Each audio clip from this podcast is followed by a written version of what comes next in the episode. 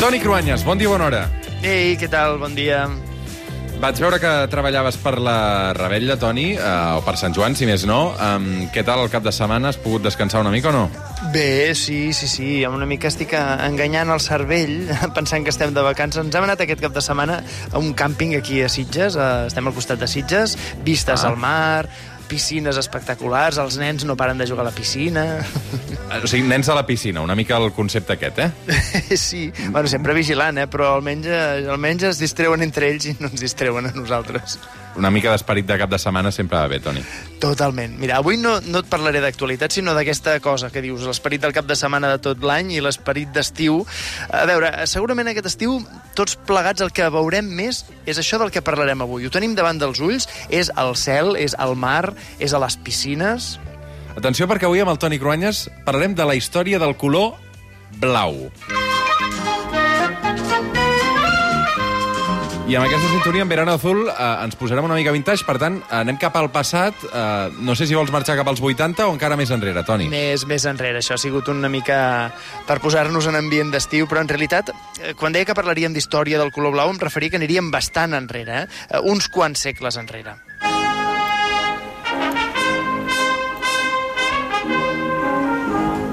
A veure, fins on ens portes per arrencar, Toni?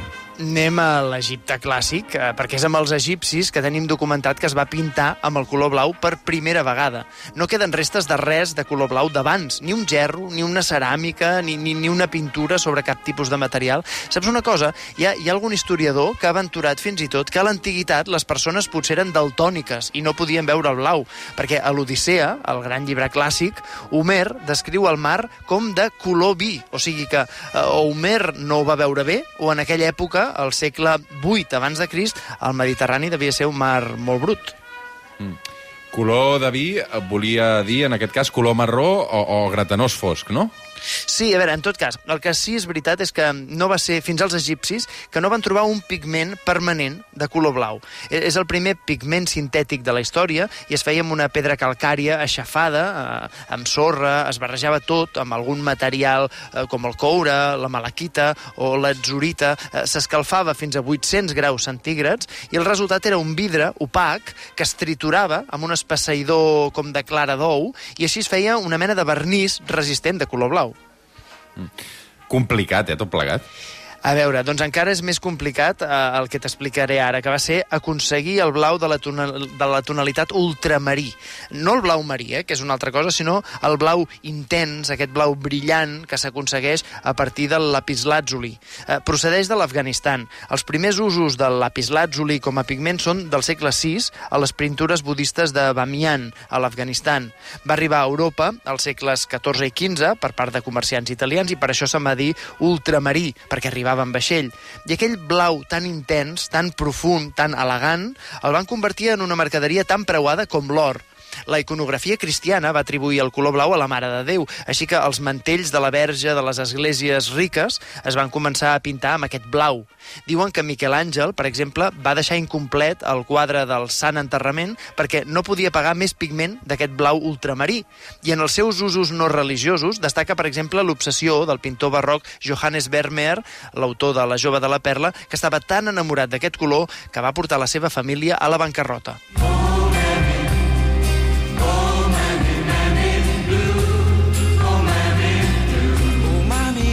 Azul, blau, azurro... El blau té significats encara avui molt diferents en funció de, de cada país, Toni. Sí, però sempre el blau és considerat com el color del poder, de la intel·ligència. Mira, a França era el color de la monarquia, dels Borbons, juntament amb la flor de lis. Al Regne Unit és el color del Partit Conservador. Són cèlebres els vestits completament blaus de Margaret Thatcher, la primera ministra dels anys 80. En canvi, als Estats Units el blau és el color del Partit Demòcrata.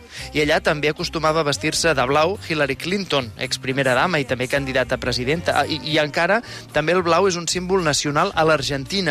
Hi ha una dita argentina, si quiere celeste, que le cueste. I, i Cristina Fernández de Kirchner, ara és expresidenta, però abans va ser presidenta, i, i li encanta vestir-se de blanc i de blau, que són els colors de la bandera.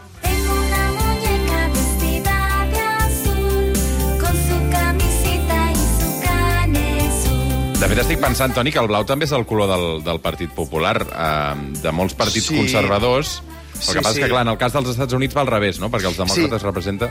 I els, I els republicans, que són els conservadors d'allà, van vermells, que aquí són, el vermell és el, el color en principi de les esquerres, sí.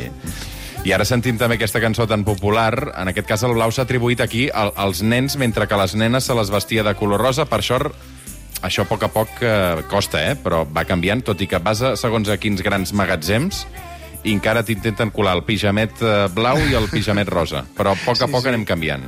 Jo crec que sí, que la pel·lícula eh, està canviant. I, per cert, ho sabies? Mira, Blau és un nom de, de nena. Tinc una, la meva fillola, que té 3 anys, es diu Blau, i des que m'hi fixo, des, de, des que va néixer la Blau, clar, ja n'he sentit unes quantes. És un nom que sona molt bonic, és molt bonic. A Lleida especialment, per la Mare de Déu del, del Blau. A Lleida especialment n'hi ha, ha moltes. Blau Sí. és sinònim de mar, de cel, del color de les piscines, que, que deies al principi, Toni. Home, potser per això, que són associacions d'idees positives, el blau és el color preferit de la majoria de la gent d'arreu del món. Això no ho devia saber, però segons estudis de les empreses que fabriquen llapis de colors i, i pintures, entre el 70 i el 80% de la població occidental tria una tonalitat de blau com el seu color preferit quan se li pregunta.